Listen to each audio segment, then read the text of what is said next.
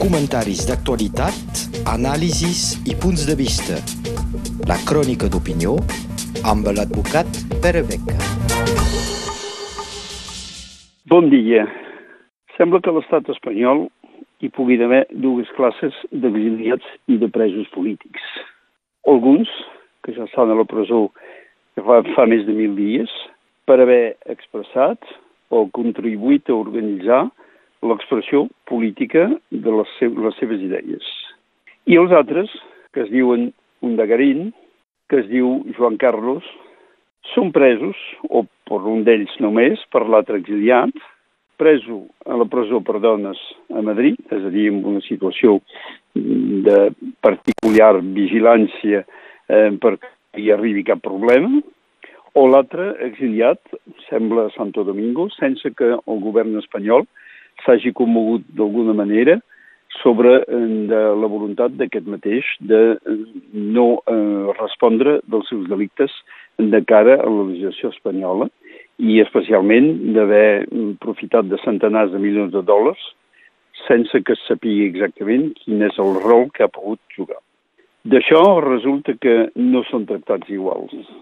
Els uns amb la major dificultat per poder mantenir-se i expressar-se al món polític, els altres amb una particularitat eh, clemència, una particularitat eh, facilitat, eh, que significa que d'alguna manera el govern espanyol no, es vol, no els vol castigar.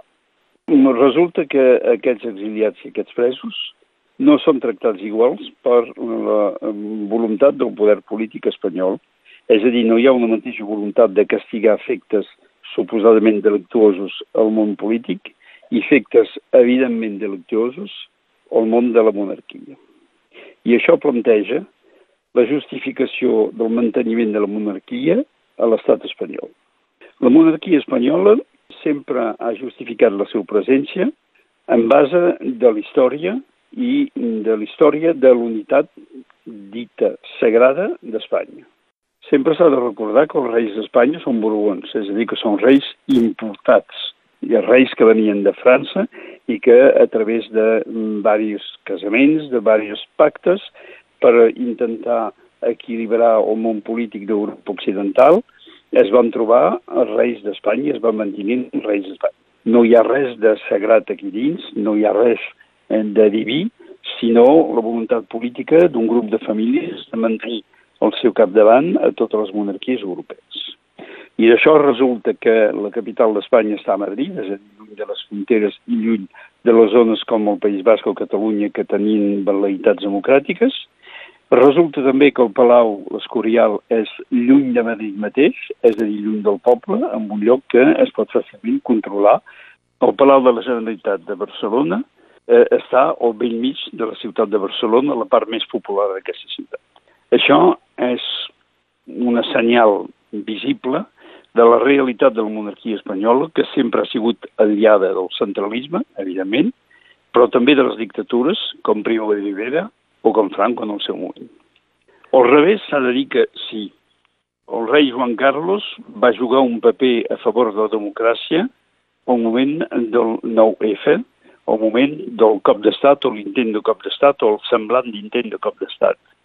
En aquell moment ell va optar per una democràcia i no va demanar a l'exèrcit de prendre posició a favor del cop d'estat. Per tant, ens podem d'anar anys després si realment això era un cop d'estat o un assaig per intentar saber què passaria, si realment les forces militars estaven mobilitzades i si realment el rei d'Espanya en el seu moment podia reaccionar d'una altra manera respecte a les relacions internacionals i notablement a les relacions dels Estats Units.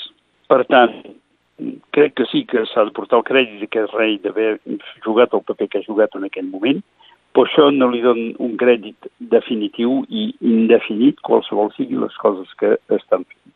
Perquè aquesta mateixa monarquia, que no és res de dret diví, es troba en aquest moment confrontada eh, als desviaments de tipus econòmics del rol de la monarquia.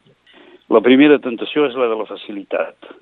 Contactes amb tots els potents del món. Anteriorment, els contactes es feien de monarquia a monarquia la gent eren tots parents, cosins, i els contactes eren entre gent qualificada de sang blava, és a dir, una certa classe de gent. Ara els contactes són amb els potents econòmics, les grans empreses mundials, els emirs, tots eh, els dictadors de tot el món que tenen relació amb la monarquia espanyola i d'això resulta els intents de corrupció, no se sap encara si realment hi ha corrupció, però intents de corrupció i els manejaments de fondos molt importants eh, que van passant d'un a l'altre, es parla de centenar de milions de dòlars, es parla de pisos a Londres que valen 50, 50 milions d'euros, es parla de tota una sèrie de regals, per què tot això? Perquè la monarquia es troba també amb la necessitat de mantenir aquesta vida de tipus jet set que està portant entre caces a l'Àfrica, entre regates de velers, entre tantes coses que costen molts diners. I que el mateix rei, que potser fa uns quants anys va jugar un paper a favor de democràcia, ara es troba, arribat a l'edat de 82 anys, amb una vida familiar mica complexa, una companya que eh, portar més gastos que no em portava la reina fins ara, i que d'això mm, es troba amb una mena d'obligació de manejar diners, de trobar diners, com amb el seu gendre l'Undagarín ho ha fet, la seva filla ho ha fet també, i han sigut condemnats per això, i aquest intent, aquesta facilitat de manejament de diners és encara més impressionant de cara a la realitat econòmica de l'estat espanyol en aquest moment. Perquè d'això no sabem en cap manera què en pensa el poble d'Espanya, què en pensa realment la població bàsica d'Espanya. I no sabem tampoc com partits com Podemos poden acceptar aquesta situació tot callant, llavors que tenen un programa directament en contra d'aquestes potències de diners. No és una monarquia, i encara menys a dret diví, és una potència financera, i aquesta potència financera ha de ser regulada com ho són les altres o haurien de ser les altres potències financeres. No hi ha en aquest moment cap intent de debat democràtic sobre aquest tema. Llavors que hi hauria d'haver-hi, hi hauria d'haver-hi, no sé com, potser un referèndum o menys una pregunta popular per saber si sí o no els diners que costa a l'estat espanyol el manteniment de la monarquia són justificats.